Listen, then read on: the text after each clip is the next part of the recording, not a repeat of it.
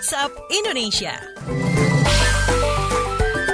Waktunya kita keliling Indonesia di WhatsApp Indonesia dan kita awali dari Balikpapan sehubungan dengan virus Corona Wuhan, warga Balikpapan diimbau tak keluar negeri. Kita simak kontributor KBR Teddy Rumengan. Selamat pagi. Selamat pagi. Pemerintah Kota Balikpapan mengimbau warganya tak berpergian ke luar negeri khususnya ke negara-negara yang sudah mewabah virus corona. Imbauan itu disampaikan Wakil Wali Kota Balikpapan Rahmat Masud. Dia meminta bagi warga kota Balikpapan yang akan bekerja studi maupun liburan untuk sementara menahan diri karena akan sangat beresiko jika bepergian ke luar negeri di saat virus corona saat ini sedang mewabah di sejumlah negara di Asia. Menurut dia, sejak pekan kemarin pemerintah kota Balikpapan bersama sejumlah stakeholder telah meningkatkan kewaspadaan khususnya di Bandara Internasional Sepinggan Balikpapan dengan memasang alat deteksi suhu tubuh yakni thermal scanner. Kata dia, penanganan ataupun SOP bagi penumpang yang masuk ke Balikpapan dan diduga terjangkit virus corona pun telah diantisipasi dengan menempatkan tenaga medis yang siaga di Bandara Sepinggan dan menyiapkan rumah sakit rujukan.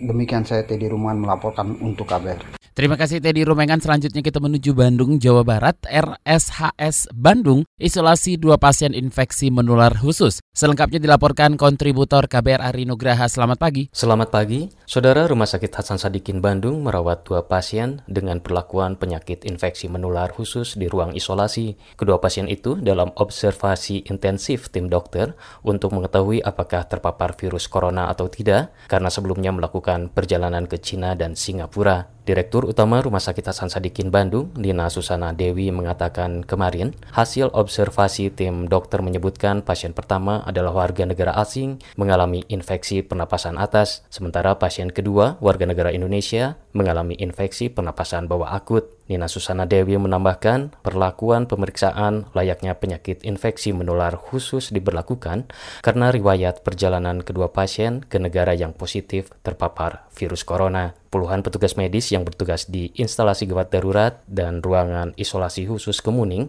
Rumah Sakit Hasan Sadikin Bandung pun didata usai menangani dua pasien tersebut.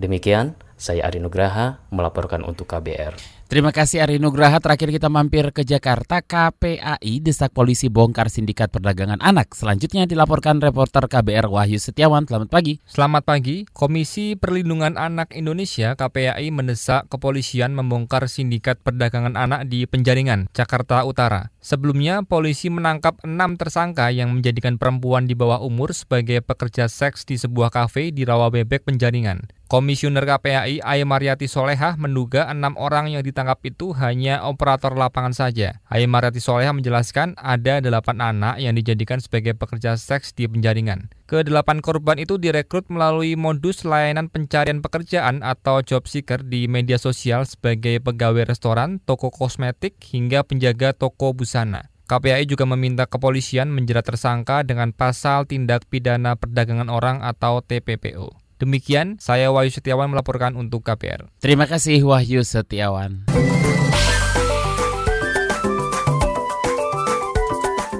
WhatsApp Indonesia.